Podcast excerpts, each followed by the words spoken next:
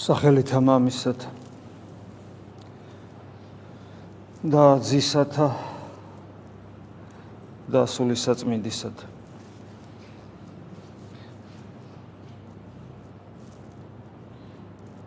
ქრისტიანობის უნიკალურობას ჩვენ ხშირად ვეხებით და ამის ცოდნას უაღრესად პრაქტიკული მნიშვნელობა აქვს. იმიტომ რომ ჩვენ არ მოусულვართ აქ რელიგიური გზნობების დასაკმაყოფილებლად. ჩვენ რეალურად მიზანი გვაქვს კონკრეტული. ეს მიზანი იმდენად კონკრეტულია და იმდენად კონცენტრირებულია მიზანი. რისთვისაც ჩვენ აქ მოვედით, იმდენად კონცენტრირებულია, რომ მრავალი ადამიანი ეძებს მას და ვერ პოულობს.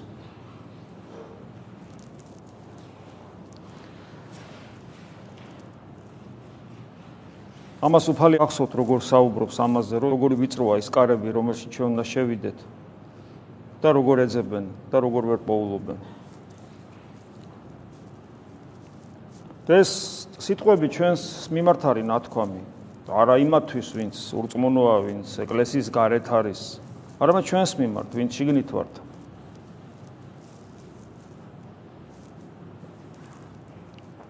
ამიტომ ცოდნა მათ შორის თეორიული ცოდნა უაღრესად მნიშვნელოვანია. ხშირად ვამბობთ ხოლმე, რომ ადამიანი სანამ მოინათლება, მან ბრწამსი უნდა იცოდეს და ეს ნიშნავს იმას, რომ მას გარკვეული განათლება უნდა ქონდეს. ისი მონათლაც არ შეიძლება, ისე თუ მას გარკვეული განათლება არ აქვს.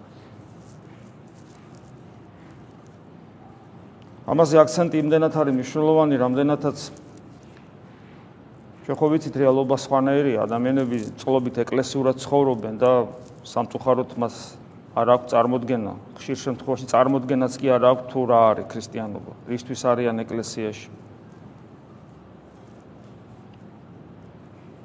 ეს გარკვეულწილად ცეცხლთან თამაშს გავს და კიდევ უფრო უარეს. ამიტომ ჩვენ უნდა ვიცოდეთ ის რაც ღმერთმა განაცხადა. და ღმერთო ღმერთმა მათ შორის განაცხადა ის რომ ადამიანს როგორი კეთილშობილიც არ უნდა იყოს იგი მას არ ძალუც გადარჩენა. ჩვენ გადარჩენა ცხონება ცხონება სადაც ვკითხულობთ ეს გადარჩენას ნიშნავს. თვით ქრისტიანულ ტერმინოლოგიაშიც პრობლემები გვაქვს ხო ხშირად არ გვესმის ეს ცხონება რას ნიშნავს გადარჩენა რას ნიშნავს ხშირად ვამბობთ ხოლმე, რომ ჩვენთვის ცხონება საერთოდ სხვა რამეა, ვიდრე სხვა ნებისმიერი რელიგიის წარმომადგენლისათვის. დოქტრინალურად ჩვენთვის ცხონება საერთოდ სხვა რაღაცაა და ეს არის ისეთი რამე, რაც შეიძლება ჩვენ ას კი გვინდოდეს თუ კარგად დავფიქრდებით. იმიტომ რომ ეს უამრავი რელიგია რატო არსებობს? რატო არსებობს უამრავი რელიგია? როგორ ვფიქრობ? მიზეზი რა არის ამის? რა ღმერთი უმალავს ადამიანებს ჭეშმარიტებას თუ რა არის? ადამიანები ირჩევენ, ადა ყველა ადამიანი არჩევანს აკეთებს. ადამიანი ირჩევს სხვადასხვა სარწმუნოებას, იმის მიხედვით მას შიგნით რა უნდა. ხოლო ის კულტურულად და ტრადიციულად მართლმადიდებელი ეკლესიის წიაღშია, ეს სულაც არნიშნავს, რომ მან აირჩია მართლმადიდებლობა, მან აირჩია ქრისტიანობა. ადამიანი შინაგანად ირჩევს მას რაც უნდა. და ის რასაც ჩვენ ქრისტიანობა გვთავაზობს, ეს შეიძლება ადამიანს არ უნდადეს გულისხმობ ღმერთის შვილობას, მადლით ღმერთობას. მას სხვა რამე უნდადეს, აი სხვა რამის სხვა რამის მოპოვებას ცდილობს რელიგიაში. მე რა ჩვენ ძალიან მარტივად უყურებთ ურწმუნოებას. ვინ არის ურწმუნო ადამიანი? ხშირად ვამბობთ, რომ ურწმუნო ადამიანი არის ათეისტი. ასე მარტივად არ არის საქმე. ყოველ შემთხვევაში სახარება ასე არ საუბრობს. ყოველი ადამიანი, რომელიც ვერ ხედავს იესო ქრისტეს როგორც ღმერთს და მასთან პიროვნული ურთიერთობა არ სურს, ის არის ურწმუნო ადამიანი. ეს არის сахарებისეული განმარტება სარწმუნოების. ხოლო ის რომ ადამიანს რაღაცა უნდა ამ ცხოვრებაში და რაღაცა მიზნები აქვს და რაღაცა ღირებულებები აქვს, ეს ულაც არ ნიშნავს, რომ ადამიანს წმენა აქვს, იმიტომ რომ რაღაცა ღირებულებები ყოველას აქვს, მათ შორის ათეისტს. თითქმის ახლა თულთლად, თქვა ადამიანური ცნობიერება მორღვეული არ არის, რაღაც მანიაკალური ფსიქოლოგია არ აქვს, ყველა ათეის ადამიანს, რომელსაც ღმერთი არსამს, უყვარს სიცოცხლე, უყვარს სიკეთე, უყვარს სიმართლე. ცდილობს, რომ ჭეშმარიტების ხარეზე დადგეს. პრინციპში ადამიანურ ურთიერთობებში მას სიმდაბლეს მოსწონს და არა ამპარტავნება. სიმშვიდე მოსწონს და არა მრისხანება. ნახეთ, ჩან რამდენი ღირებულება ჩამოთვალეთ. სიცოცხლე, სიმართლე, ჭეშმარიტება, სიკეთე, სიმდაბლე, სიმშვიდე. შენ ხო ვიცით რომ ეს ყველაფერი არის ღმერთი? ათეისტიც კი ამ კუთხით თუ შეხედავთ მორწმუნეა. მას ეს უნდა ეს ყველაფერი. და პრობლემა იმაშია ათეის რომ ამ ყველაფერს არ განუკუთვნებს სოციალ ღმერთს. სოციალი ღმერთის გარეშე ფიქრობს ამ ყველაფრის მოპოვებას. ადამიანი ურწმუნო ადამიანი ღირობებზეც მიდის. შეუძლია მოყვასისთვის თავი გაწიროს. ამის მაგალითები ხო არსებობს? უფლისწინებებს ისი აღასრულებს. შეიძლება უფლისწინებ უფალი არც კი იცოდეს. თავი თვისი დადოს მოყვასისთვის, მაგალითად ომში. ასეთი რამდენი მომხდარა. ურწმუნოა, მაგრამ მაინც აკეთებს ამას. ანუ კაცმა რო თქვას, ხო, აი ამ კუთხით თუ შევხედავთ, ყველა ადამიანი მორწმუნეა, მაგრამ ქრისტიანობა ამ ადამიანებს მორწმუნეს არ უწოდებს. რატომ? იმიტომ კიდევ ვიმეორებ, იმიტომ რომ ეს თელი ღირებულებები და სიკეთეები და სათნოებები არ არის კონცენტრირებული, არ არის არ არის მიკუთვნებული ამ ადამიანთა ცნობიერებაში ცოცხალი ცოცხალ ღმერთს, ან ცოცხალი ღმერთის გარეშე განიხილება ეს. ხოლო თუ ქრისტიანი ეკლესიაში განკაცებული ღმერთის გარეშე ცხოვრობს რეალურად, თორე სიტყვიერად ჩვენ ყველანი ვაღიარებთ, რომ ქრისტიანები ვართ, ჩვენს ურწმუნოები გამოვდივართ. ჩვენ და ხოლ არ შეიძლება რწმენას, რწმენა ნიშნავს იმას, რომ ჩვენ უფალს უჯერებთ. უჯერებთ უფალს. მის სიტყვები ჩვენთვის ერთადერთი ჭეშმარიტებანია, ერთადერთი ავტორიტეტია, სხვა არაფერი არ არ ვიცით ჩვენ მსგავსი. ამიტომ მოაღრესად მნიშვნელოვანია უფლის მიერ გამოცხადებული ჭეშმარიტებანი, რასაც ჩვენ დოგმატებს უწოდებთ. თუ ვინ არის ღმერთი და როგორია, რა მოიმოქმედა მან ადამიანის ადამიანის სასიკეთოდ, ადამიანს რა დაემართა და რატომ დაემართა და ის რაც დაემართა, რა მდგომარეობაში ამყოფებს ადამიანს და რა უნდა მოხდეს იმისათვის, რომ ადამიანი ამ მდგომარეობიდან გამოვიდეს. მდგომარეობა ძალიან მძიმეა, ჩვენ ამას ვივიწყებთ ხშირად. სულ კაცმა რო თქვას. ჩვენი მდგომარეობა არის გამოუვალი, შეიძლება ასე ითქვას. უფალი ხო ამბობს, რომ შეუძლებელია ადამიანისათვის სასופველოში მყოფობა. აი შეუძლებლობას ჩვენ ხო ვივიწყებთ. დაცემა ადამიანის იმდენად ღრმა ღრმა არის, ისე ღრმა არის, რომ იქიდან გამოსვლა ადამიანს არ შეუძლია. ადამიანის სულით მკვდარია. ხო გვახსოვს ბიბლიის სიტყვები, შეჭამ მოკვდები, შეჭამა მოკვდა. ჩვენ სიკვდილში გულისხმობთ მაინდამაინც ბიოლოგიურ სიკვდილს, მაგრამ ადამიანი ხო მარტო ხორცი არ არის. ადამიანში არის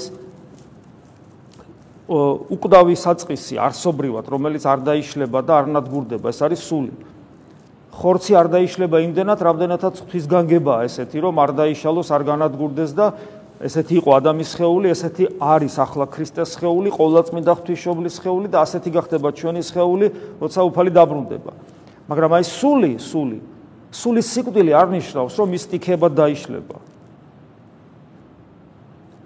მაგრამ ადამიანის სული ეგრევე მოკვდა. ჩვენ ვკითხულობთ წმინდა წერილის პირველსავე წინგში ვხედავთ, რომ როგორც კი ეს ღვთის ცნება დაარღვიეს, ეს ცნება, ეს უბრალოდ ცნება კი არ არის რაღაც იურიდიული, ეს არის მთელი მთელი კასკადია, მთელი კომპლექსია ადამიანის განწყობების, მდგომარეობის არჩევანი. ფაქტობრივად მან არჩევანი გააკეთა, ღმერთის აწინააღმდეგო არჩევანი და თავისი თავი, თავისი თავისუფლება დაუქვემდება რა ამ სამყაროს სტიქიებს, ამ სტიქიების კანონებს და დემონის უკეთურნებას. ანუ მონაგახადა თავი და თავისუფლება დაკარგა. თავისუფლების დაკარგვისთანავე ღმერთს მოწყდა იმიტომ რომ ღმერთთან მხოლოდ თავისუფლად შეიძლება იყოს. მან უარი თქვა თავისუფლებაზე, დაკარგა ღმერთთან კომუნიკაცია და ღმერთთან კომუნიკაციის დაკარგვისთანავე იმ წამსვე, იმ წამსვე ის სულიერად მოკვდა, იმიტომ რომ ვეღარ ხედავდა უკვე ღმერთს. აბა ღმერთის დამნახავი ადამიანი ხეების უკან ღმერთს როგორ დაემალებოდა? როგორ დაუწყებდა ურჩობას? როგორ დააბრალებდა ღმერთს თავის პრობლემებს? შეროცოლი მომეცი იმან შემაცდენა. გესმით? მას აღარ აქვს უნარი ღმერთის ხედვისა. ღმერთის ხედვისა, როგორც ღმერთისა. რაღაც დონის კომუნიკაცია აქვს, ის როგორც ეშმაკს აქვს რაღაც დონის კომუნიკაცია ღმერთთან, მაგრამ მას აღარ აქვს დანახ დაინახოს ღმერთი როგორიც ის არის. ისე როგორც წარმართებთან იყო ეს და ისე როგორც ხშირად ჩვენ შემთხვევაშია. რო ჩვენ გვაქვს რაღაცა დოზის კომუნიკაცია ღმერთთან, მაგრამ ჩვენ არ ვიცით ღმერთი როგორია. ანუ ჩვენ რაღაც დორდის დოზით კომუნიკაცია გვაქვს ღმერთთან მაგრამ ჩვენ არ ვიცით ღმერთი როგორია. შესაბამისად ჩვენი კომუნიკაცია უაღრესად არაჯანსაღი და ხარვეზიანია. ე მაგალითად ადამიანს აქვს რაღაც პრობლემები. ეს პრობლემები პრობლემა პერმანენტულ ხასიათს ატარებს. არ თავდება და ადამიანი ადამიანი ფიქრობს რომ ან ჯადო გაუკეთეს ან წინაპრების ცოდვა მოქმედებს. ეხლა ეს ადამიანი ხო ქრისტიანულად არ აზროვნებს. მან ხო არ მან ხო არ იცის ღმერთი როგორია. ან ადამიანი მაგალითად თქვათ ეს განსაკუთრებულად ეს წინა წლებში იყო ეს 90-იან წლებში ეს მასიური მოვლენა იყო. ეხლა იმედია რომ ეს აღარ არის ასე, თუმცა რა ვიცი, ყოველ შემთხვევაში მე არ შემილია ეხლა ზუსტი სტატისტიკური მონაცემები არ მაქვს. ადამიანი დილის ლოცვას თქვა ვერ წაიკითხავდა. ხშირად ობიექტური მიზეზის გამო გვიანადგა ვეღარ ასწრებს ვერ ჩაარაკრაკებდა ესეც ხო ლოცვა არ იყო. და მთელი დღე განსწრებული ხო დაიჯება ანუ ადამიანები ღმერთს არ ცნობენ საერთოდ. რაღაცა დოზით კომუნიკაცია აქვს მაგრამ არის ღმერთი როგორია. ხო და აი ეს მეთოდა ემართა ადამიანს რომ მისი სული მკვდარია. მკვდარია მის სული და ეს მკვდარი მკვდარს შობს. აცალე მკვდრებმა დამარხო თავიანთი მკვდრები. ანუ ადამიანი დადის ბიოლოგიურად ცოცხალია ნომინალურად სული აქვს მაგრამ ეს სული მკვდარია მას რატომ? იმიტომ რომ მას არ აქვს უნარი ხედვისა. ვერ ხედავს ის სიცოცხლის წყაროს ამიტომ არის მკვდარი. და ჩვენ ყოველას ეს მკვდარი სულები გვაქვს. და წარმოიდგინეთ ახლა მკვდარი სული აქვს ადამიანს და რა ემატება კიდევ ამას? ამას ემატება ადამიანის უცნაური თვისება, რომელსაც არანაირი საფუძველი არ აქვს. ეს არის მისი ქედმაღლობა, ამპარტავნება, პატიმოყარეობა, სიამაყე. რა არის სიამაყე? როცა ადამიანისათვის ერთადერთი ავტორიტეტი თავად ეს ადამიანია. როდესაც მის გარშემო ტრიალებს თელი სამყარო, თვით ღმერთით ჩვენს გარშემო ტრიალებს. ამ ბოლო პერიოდში ხშირად მithქვავს, რომ ჩვენთვის ნებისმიერი მოვლენა მატერიალურ სამყაროში, ნებისმიერი მოვლენა სოციუმში ადამიანებთან ურთიერთობას გულისხმობ და ნებისმიერი მოვლენა ჩვენს რელიგიურ ცხოვრებაში. ყველაფერი გაიზომება ჩემით. ჩემით ვიყურები. მე ვარ სამყაროს ცენტრი. როგორ მექცევა, როგორ მიყურებს, რა უნდა და ასევე ღმერთთან რას მიკეთებს, რაში დამეხმარება, რაში მაწყობს და ასე შემდეგ. ყველაფერი აბსოლუტურად. პოლიტიკური ცვლილებები სამყარო, თქვა იგივე საქართველოსში, მე როგორ მაწყობს, მე როგორ მჭirdება, ჩემთვის რამდენად მოსაწონია. მხოლოდ და მხოლოდ მე, მე და ყველა ადამიანი ასეა, წარმოგიდგენიათ, სამყაროში დღეს არის 8 მილიარდი ადამიანი და 8 მილიარდი galaktikis ცენტრია. ხო შეუძლებელია ეს? ხო და ამიტომაც კივღებულობთ ქაოსს და სამყაროს თავი დავანებოთ საქართველოს მაგალითი ავიღოთ. რამდენი ადამიანის არის საქართველოში, იმდენი ცენტრი არსებობს. ეს ხო შეუძლებელია. ეს ხო ასე არ არის სინამდვილეში. და წარმოიდგინეთ ადამიანი რომელიც არის მკვდარი სულიერად, ანუ ვერ ხედავს ობიექტურად ყოფიერების საწყის, ღმერთს ვერ ხედავს. შესაბამისად მას არ აქვს ყოფიერების ადეკვატური აღქმა. აბა, მყდარი რას დაინახავს ადეკვატურად? ადამიანი, რომელიც ღმერთს ვერ ხედავს ობიექტურად, როგორიც ის არის, იგი ვერ ხედავს ვერც მის ქმნილებას, როგორიც ის არის, ანუ სამყაროს. ანუ ადამიანს არ აქვს სამყაროს ადეკვატური აღქმა, ადამიანს არ აქვს არაფრის ადეკვატური აღქმა და მათ შორის საკუთარი თავის ადეკვატური აღქმა არ გააჩნია. და ჩვენი ეს სიამაყე და ამპარტავნება მოქმედებს ნებელობით. ჩვენი ბუნების აქტიური მხარეა ეს. და ამიტომ არის რომ ქრისტიანები მამები გვასწავლიან რომ ჩვენი ნება ყოველთვის უკეთურია. ისე კი არა რომ ხან კარგია, ხან ცუდია, ყოველთვის უკეთურია. ყოველთვის. არ შეუულია მას რაიმე სიკეთე გააკეთოს. ამიტომ უფალი ამბობს, ჩემს გარეშე არაფერი არ შეგიძლია. ჩვენ ხო ეს სიტყვები არ გვესმის. რატო არ შემიძლია ხო უფლის გარეშე? არ გამიკეთებია სიკეთე თუ რა ადამიანი ფიქრობს. გესმით, აი აქ ჩვენი პოზიცია პირდაპირ დაპირისპირებაში მოდის მაცხოვრის პოზიციასთან, რომელიც მან როგორც ღმერთმა, როგორც ადამიანმა წარმოსთქვა, მაგრამ ეს სიტყვა ღმერთის სიტყვაა, იმიტომ რომ ის არაბო როგორც უფალი ამბობს, სიმგაბლით ამბობს, მაგრამ მამაში თან ძალიან ღრმა აზრია.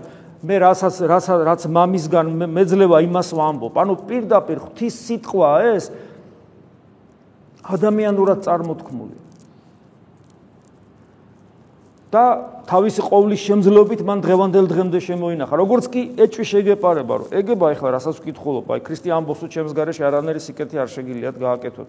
ეგება იქ რაღაცა 2000 წელი გავიდა გადაწერეს, გადმოწერეს, რა ვიცი, შეცდომა გაიპარა. როგორც კი ამას დაუშვებ, შენ ქრისტეს ღმერთობის აღარ გიჯერა. იმიტომ რომ ყოვლის შემძლე არსება როგორ როგორმე შეინახავდა ჩვენ თავის სიტყვას დღევანდელ დღემდე. და თუ ამის გწამს, მაშინ გვეუბნება, რომ არც ჩემს garaში არაფერი არ შეგიძლია, არაფერი. ამიტომ ჩვენ ილუზიაში ვიმყოფებით. ესეც სიბრმავის ნიშანია. და ჩვენი დაცემულობა იმდენად ღრმა არის, რომ ჩვენი გადარჩენა უბრალოდ ღმერთისაგან მოცემული წესებით, კანონებით, მცნებებით რაღაც დეკლარაციებით, რომ აი ესე იცხოვრე და გადარჩები. არ გამოვიდა, არ შეიძლება, შეუძლებელია.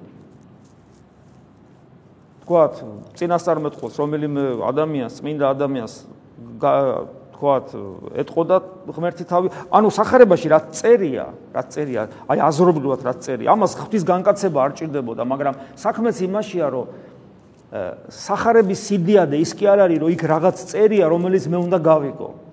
სახარების სიდიადე არის ის, რომ იგი მე მაძლევს ცოდნას, რომ ღმერთი ადამიანად მოვიდა. აი ამაშია საქმე.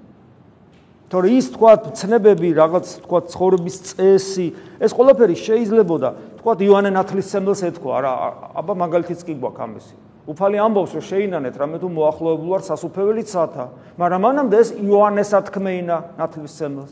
ასევე იოანეს ყველაფერს ათქმეინებდა, რაც წერია სახარებაში. მაგრამ, მაგრამ სახარების თავარი დანიშნულება და არსი იმაში არ არის რომ ვინ რა თქვა რომელიმე წინასწარმეტყველმა სახარება მამცნობს სხვა რამეს რომ ღმერთი თვითონ მოვიდა ადამიანად. ეს რას ნიშნავს?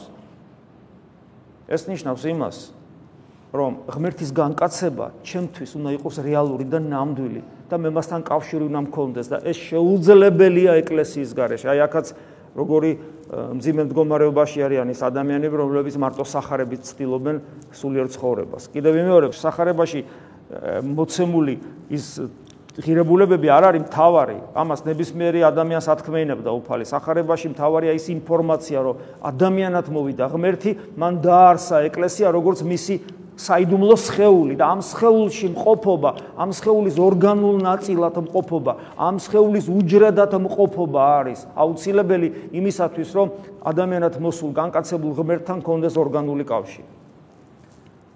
დასაჭიროა ეს ორგანული კავშირი. ეს ორგანული კავშირი საჭიროა იმისათვის, რომ მე სხვანაირად ვერ გადავრჩები.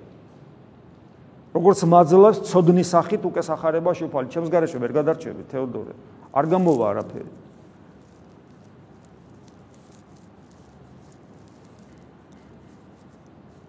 ამას როგორც კი ვივიწყებთ, იმ წამს გვექნება ილუზია, რომ ჩვენ რაღაცას ვაკეთებთ. ჩვენ რაღაცას მოქმედებთ, ჩვენი სიკეთეებით, ჩვენი ღვაწლით. ამის დავიწყება არავითარ შემთხვევაში არ შეიძლება. და აი დღევანდელ 60 კულოში ძალიან უცნაური სიტყვებია. მრავალი мама განმარტავს ამ სიტყვებს და დაახლოებით ერთნაირად განმარტავენ. მაგრამ თვითონ ეს სიტყვები არის ძალიან უცნაური. აი ნახეთ, რას ამბობს პავლე მოციქული. ეს არის კორინთალთა მიმართ მეორე ეპისტოლე. დღევანდელ სამოციქულოში. მეხუთე თავია. რამე თუ რომელმან იგი არ აიცოდა ცოდვა ქრისტეზე საუბრობს. ცოდვა არ იცოდა. რას ნიშნავს ცოდვა არ იცოდა? უცოდველია, ხო ვიცით ზოგადად. ჩვენთვის ცოდვა ქმნა. ან ცოტა რთული განსარმარტავია ეთყობა, იმიტომ რომ სხვადასხვა თარგმანებში სხვადასხვანაირი განმარტებაა. მაგალითად, ესეთ ერთ-ერთი განმარტება, ვინ ცოდვა არ იცოდა, მან ცოდვათ აქც ცოდვათ აქცია საკუთარი თავი ჩვენს გამო. ან სხვა განმარტებაში წერია რომ ცოდვის მსხვერპლად იქცა. ანუ და სხვა თარგმანში და განმარტებების მიხედვით ისია რომ რომელმაც არ იცოდა ცოდვა თვითონ გახდა ცოდვა. ან ცოდვა ქმნა, ცოდვა გახდა. ქრისტეზეა საუბარი. და მე რეაგზელებს, რათა ჩვენ ეს ეს გააკეთა, იმიტომ რომ ჩვენ ვიქმნეთ სიმართლე ღვთისა.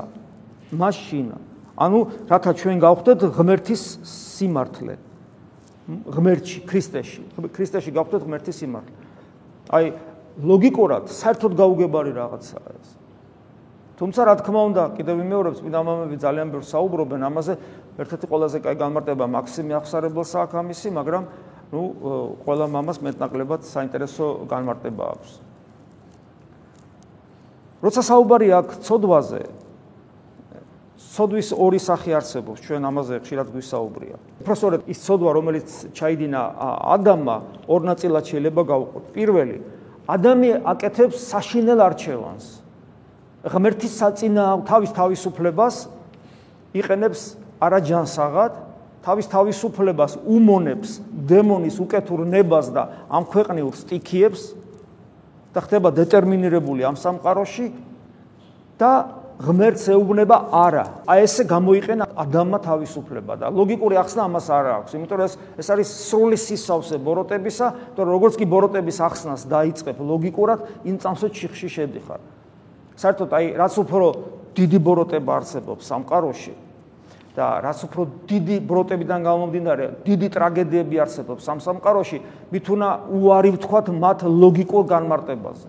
ხშირად ქრისტიანებს ეგ შეცდომა მოგდის ხოლმე, რომ აი ადამიანს დაემართება რაღაც საშნელი ტრაგედია პირად ცხოვრებაში. და მე ჩვენ ვიწყებთ მის დამშვიდებას ეს რომ უხსნით, იცი, ეს იმიტომ მოხდა და რაღაცებს ლაპარაკობთ. როგორ შეიძლება ამის გაკეთება? იმიტომ როგორც კი შენ ადამიანის პირად ტრაგედიას, რომელიც გარეგნულად ესეჩას, მას თავზე უსამართლოდ დაატყდა, არაფრისაგან აი დაატყდა უსამართლოდ ადამიანი განადგურების პირას არის ეს დიდი ტრაგედია დაემართა. შენ მას რო განუმარტავ, ეს ცით რას ნიშნავს? ეს ნიშნავს, რომ იმ ბოროტებას, რომელიც მას ასე შეემთხვა, ამ ბოროტებას ლოგიკურ ახსნას უძებნი. აბა აბა გამარტება რა არის? როგორც კი შენ ბოროტებას ლოგიკურ ახსნას მოუძებნი. ამით შენ ფაქტურად ეუბნები, ესე უნდა ყოფილიყო აბა რა და რატო უნდა ყოფილიყო ეს? ლოგიკური ახსნა სადაც არის, იქ უკვე თითქოს ჩანს, რომ ღმერთ ღმერთმა გაუკეთა ესე ადამიანს და მორჩა.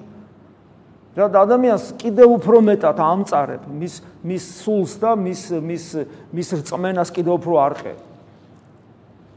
ბოროტება რაც უფრო დიდი და საშნელება უფრო მეტად და მეტად მისი ახსნა არ შეიძლება, იმიტომ რომ ეს არის უკეთური თავისუფლების თავისუფლების არაჯანსაღი გამოხატულება, არარეალიზება, რომელსაც უკეთურნებას უწოდებთ, რომელიც არაფრით არ არის გამპირობებული სამყაროში. არც ეშმაკს ქონდა მიზეზი ღმერთისთვის ზურგი შეექცია და არც ადამს ქონდა მიზეზი ღმერთისათვის ზურგი შეექცია. ამიტომ მისი ახსნა შეუძლებელია. გააკეთა ადამა ეს ნაბიჯი გადადგა. ეს არის საშნელი დანაშაული, რამაც თელის თელ სამყაროს ასეთი განვითარება მისა, როგორიც ჩვენ ვიმყოფებით, მაგრამ არის მეორე, მისი ბუნება დაზიანდა და მისი ბუნება გახდა მოწყვლადი, ხრწნადი, მოკვდავი და ვნებული, ვნებული. ჩვენ ყველანი ესეთები ვართ. ჩვენი ბუნება არის ხრწნადი, მოკვდავი და ვნებული. შესაბამისად, ჩვენ გვაქვს თვითგადარჩენის ინსტინქტები. შესაბამისად, ვნებული ნიშნავს, რომ ჩვენ გვიყვარს სიამოვნება, გვიყვარს მომხვეჭელობა, გვიყვარს პატივმოყვარეობა, სულ მოკლედ გაურბით სიკვდილს, იმიტომ რომ სიცოცხლე ამის იქით ჩვენ სიცოცხლეს ვერ ხედავ და არ ვიცით და მთელი რიგი უბედურებები ემართება მე ადამიანს და ამის კვალობაზე პლუს ადამიანი აკეთებს მეორე უკვე ამ საფუძველზე აკეთებს არასწორ არჩევანს ძალიან ხშირად. სულ მოკლე არა ღირსეულ არჩევანს. და იმ დაზიანებულ ბუნებას კიდევ მეტად და მეტად აზიანებს, კიდევ მეტად და მეტად ზენს არაჯანსაღ თვისებებს და საბოლოო ჯამში ადამიანი საბოლოო ჯამში დეგრადირდება, დეგრადირდება, დეგრადირდება ინდივიდუალურ დონეზე, კაცობრიობის დონეზე და ჩვენ ხედავთ კაცობრიობა როგორ დეგრადირდება ზნეობრივი თვალსაზრისით ნელ-ნელა და საერთოდ უკიდურეს მდგომარეობამდე მივა ალბათ აი სოდომის და გომორის და წარღვნამდელი კაცობრიობის მდგომარეობაში აღმოჩნდება მთელი კაცობრიობა მთლიანობაში და მე დაბრუნდება კიდევაც უფალი სარწმუნება პრაქტიკულად მოისპობა ქრისტეს ყველანი ზურგში აქცევენ გარდა ერთი ორი რაღაც კონძულებისა აი ესეთი მდგომარეობა აქვს ადამიანს. და როცა ღმერთი ადამიანად მოდის მან მიიღო ეს ვნებული ბუნება. მოკვდავი ხწნადი და ვნებული. მაგრამ აქ არის ერთი განსხვავება რომ ქრისტე პიროვნულად არ არის ადამიანი. ჰიპოსტასურად, იგი არის ღმერთი.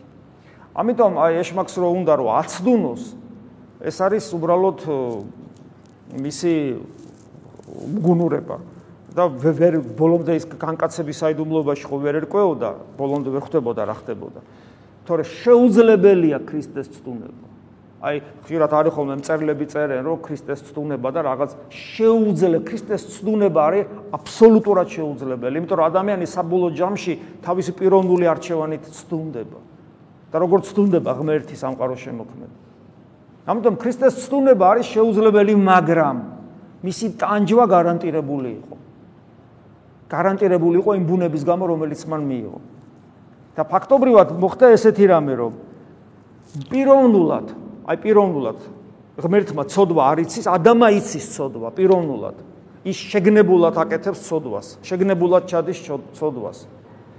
ხოლო ღმერთ ქრისტე ანუ ადამა იცის ცოდვა, ისე როგორც ჩვენ ვიცით ცოდვა. ჩვენი პიროვნული არჩევანია ცოდვა. ჩვენ პიროვნულად არჩევანი ჩვენ ვირჩევთ ცოდვას და ცოდვა შეგნებულად ჩავდივართ. მაგრამ ქრისტემ ცოდვა არ იცოდა, ამიტომ წერია რომელმან იგი არა იცოდა ცოდვა ვინც არ იცოდა ცოდვა ჩვენთვის ჩვენს გამო რომ ჩვენი ბუნება გაჯანსაღებინა და გამოეკეთებინა მან მიიღო ჩვენერი ვნებული ჩვენერი ხსნადი მოკვდავი ბუნება მიიღო. ამიტომ შიოდა ქრისტეს გახსოვთ წყუროდა ქრისტეს იღლებოდა იძინებოდა იძინებდა ხო სიკვდილის წინასასკვდილო განცდები ქონდა და ეს აწუხებდა. ყველაფერი გვახსოვს ეს ხო? აი ეს მდგომარეობა ქონდა. ღმერთმა რა მდგომარეობაში ამყოფა საკუთარი თავი ჩვენს გამო რომ ჩვენერი ბუნება მიიღო. და რატო გააკეთა ეს? იმიტომ რომ აი ეს ბუნება უნდა განკურნებულიყო სიცოცხლით. ამ ბუნე ამგვარ ბუნებას სიცოცხლე არ შეუძლია იმიტომ რომ სიკვდილს სულით ხომ მოკვდა ეგრევე ადამი ხო და სიკვდილს ატარებს სხეულიც ეს სხეული აუცილებლად უნდა მოკვდეს. მოკვდავის სხეული მიიღო და მოკვდა კიდევაც. მაგრამ რომ მოკვდა მე აღდგა მკვდრეთით. და აი ამაზე ესე ამბობენ ღვთისმოწყალინო მოკვდა მოკვდა. და გაცოცხლებით მოკლა სიკვდილი სიცოცხლეს კლავს სიკვდილი და სიკვდილი მოკლა სიცოცხლემ. აი ეს უცნაური რაღაცა მოხდა ქრისტეში, რაც სამყაროში არ არსებობს. სამყაროში არსებობს სიცოცხლეს კლავს სიკვდილი, მაგრამ ღმერთი როგორც ყოვლის შემძელე არსება, აკეთებს ესეთ რამეს. სიკვდილს კლავს სიცოცხლე. მოკვდა, ანუ ეს კანონზომიერება ახსულდა და აღდგომით, ანუ გაცოცხლებით მოკლა სიკვდილი. ამაში მდგომარეობს ქრისტეს ჯვარცმის საიდუმლოებაც. არა მარტო ამაში, მაგრამ ამაშიც. და მე აგზელებს პავლე მოციქული რომ ჩვენ ეს ყველაფერი გააკეთა, იმიტომ რომ ჩვენ ვიქმნეთ მართლები კი არ ვიყოთ, ნახეთ რას ამბობს. ეს იმიტომ კი არ გააკეთა, რომ ჩვენ ვიყოთ მართლები. არა, ჩვენ ვიყოთ სიმართლე ღვთისა. ღვთის სიმართლედ გადავიქცეთ ქრისტეში. ანუ ამით რას ამბობს? ეს ძალიან მნიშვნელოვანია. ჩვენ ჩვენი არსობრი ჩვენ არსობრივად ღვთაებრივი სიმართლეთ უნდა ვიქცეთ, ანუ ღმერთად უნდა ვიქცეთ. ღმერთად უნდა ღმერთები უნდა გავხდეთ. ღვთის სიმართლე თუ უნდა ვიქ სიმართლე ღვთის ანუ ღვთის სიმართლე მართლები არა ღვთის სიმართლე ანუ აი არსობრივად უნდა ვიყოთ ღვთის მსგავსნი ამ შემთხვევაში რომელიც გულისხმობს მათ შორის უკვდავებასაც უკვე სულიერს და ხორციელს მაგრამ ეს არ ხდება ჩვენი თავისუფლების გარეშე. ამიტომაც დღევანდელ 60 ქულოში ჩვენ ესეთ სიტყვებიც აღმოვიკითხეთ რომ ქრისტე ყოველთათვის მოკვდა, რათა ჩვენ ცოცხალნი საკუთარი თავით კი არ ვიყოთ ცოცხალნი, არამედ მისთვის, ჩვენთვის მონკვდარისა და აღდგომილის. ანუ ამით პავლე მოციქული გვეუბნება, რომ ჩვენ ჩვენი სიცოცხლე არ გვეკუთვნის, ჩვენ უნდა მივაკუთვნოთ ჩვენი სიცოცხლე იმას, ვინ ჩვენთვის მოკვდა, მაგრამ ეს მიკუთვნება ჩვენი სიცოცხლის მისთვის, ისევ ჩვენ გადასარჩენად არის, იმიტომ რომ ჩვენ უნდა გავხდეთ ღვთის სიმართლე ქრისტეში. ამიტომ არის ხშირად ვამბობთ ხოლმე ადამიანის ზნეობრივ შუყოფილებას კი არ განიცდის ეკლესიაში. ადამიანი სხვა არსებად გადაიქცევა და სხვა არსებად ადამიანის სხვა არსებად გადაქცევას ჭირდება სწორედ ის ძალმოსილება ჩვენი მხრიდან, იმიტომ რომ ეს ჩვენი პიროვნული არჩევანი უნდა იყოს, რომელსაც ჩვენ დავიცავთ სიცოცხლის უკანასკნელ ამოსუნთქვამდე. და ეს არის მოწამეობრივი ღვაწლი. ამიტომ არის მასიურად ხდება ეს ეკლესიაში ადამიანები მოდიან და გაედინებიან მოდიან და გაედინებიან იმიტომ რომ აი ეს ეს მოწამეობრივი სულის ტვირთვა არ ძალუց იმ ადამიანს რომელმაც არ იცის რისთვის მოვიდა ეკლესიაში. რომელიც ვერ იაზრებს რომ მისი გადარჩენა შეუძლებელი იყო თუ ქრისტე ჩვენნაირ ბუნებას სოდვიან ბუნებას, სოდვი დაზიანებულ ბუნებას არ მიიღებდა, თუ ჩვენ არ გავხდებით ღვთის სიმართლენი, ანუ მადლით ღმერთნი თუ არ გავხდებით, ამას ამას ჭირდება არაზნეობრივი სრულყოფილება, არამედ ამას ჭირდება სხვა არსებად გადაქცევა და აი ამ სხვა არსებად გადაქცევაში უმნიშვნელოვანესია ჩვენი პიროვნული არჩევანი, როგორც პავლე მოციქული ამბობს, სისხლამდე წინ უნდა აღუდგეთ ცოდვას, ანუ ჩვენ ამ დაცემული ბუნების მიდრეკილებებს. და მხოლოდ მაშინ გვეხმარება ღმერთი, იმიტომ რომ როცა სისხლამდე აღუდგებით, მაშინ ღმერთი ხედავს, რომ ჩვენ მართლა გვინდა. არავინ ძალას არ გვატანს. მართლა გვინდა და მართლა უკვე მართლა გვინდა მისი შვილობა. და ეს ყოველდღიურობაში ვლინდება. და მათ შორის დისციპლინაში ვლინდება. წირვაზე დგომაში როგორ დგავართ როგორ მოვდივართ როგორ ვლოცულობთ როგორი ღვაწლი გვაქვს. იგივე წირვაზე ძალიან ხშირად ეხა მე არ ასე სახელდებით არ მომბობ, მაგრამ ძალიან ხშირად ხდება ხოლმე ეს, რომ ადამიანები წირვაზე აგვიანებენ უბრალოდ. სხვა არის ობიექტური მიზეზი როცა აქვს. ობიექტური მიზეზი როცა აქვს, ეს არ განიხილება, ღმერთმა უწყის და მორჩა. არ ჩვენ არ გაკონტროლებთ ესე, მაგრამ არსებობს გულგრილობის და მოდუნებულობის აი ეს ერთ-ერთი გამოვლინებაც, რომ არც ლოცულობს ადამიანი, არც კითხულობს ადამიანი და მომზადებელი მოდის საზიარებლად და გვიან მოვა, ადრე წავა და რაღაც ესე ლაითად უნდა გაიტანოს, არ გამოვა ეს. არ გამოვა. და თუ ჩვენ გვინდა რომ ჩვენი სამრევლო იყოს ღვთისათვის სათნო ჩვენი სამრევლო ცხოვრება. ჩვენ ახ უნდა გავიზარდოთ, ოღონ გავიზარდოთ არა ზნეობრივი სრულყოფილების თვალსაზრისით უბრალოდ. არამედ აი სწორედ მოწამეობრივი სული უნდა აღიზარდოს ჩვენში, რომელიც ყველაფერში გამოვლინდება მე. ჩვენ ცეცხლს უნდა ვატარებდეთ. ადამიანი რო დგას, არ ეთყობოდეს, მაგრამ მაშინ უნდა იყოს ცეცხლი, სახთო მადლი. თუ ეს ცეცხლი არ არის ჩვენში სახურების დროს, ჩვენი ზიარებაც ამოუვა მე. იმიტომ რომ შენ ჭამ მაშინ ქრისტეს ის და ხორს, რომელსაც როგორც პური დაღვინო რომ იყო ჩვეულებრივი და ვერაფერს ვერ განიცდი, ვერაფერს ვერ იგზნობ. თუ შენ ცეცხლს არ ატარებ შენში, ზიარება ცეცხლია და ეს ცეცხლი შენში არ გაჩერდება, როგორც მოვა ისე წავა. ასე რომ შეგვეციო სუფალი და კიდევ ერთხელ დღევანდელ დღეს კიდევ ერთხელ გადაუწყვიტოთ საკუთარ თავს, რომ ანიცხოვროს ისე როგორც ევალება, რომ ქრისტიანს იცხოვროს. ძალიან მნიშვნელოვანია. ძალიან ცოტა დრო დაგჭა თითოეულ ჩვენგანს. ძალიან ცოტა. ჩვენ დიდხანს 200, 500, 1000 წელი არც ერთი არ ვიცხოვრებ. ძალიან ცოტა. ეს დრო ისე სწრაფად გავა, თვალის დახამხამებასაც ვერ მოვასწრებთ. და მაქსიმალურად გამოვიყენოთ ეს დრო იმისათვის, რომ მოწამეობრივი სული აღზარდოთ ჩვენში. რომ ჩვენ ვიყოთ ღვთის სიმართლენი.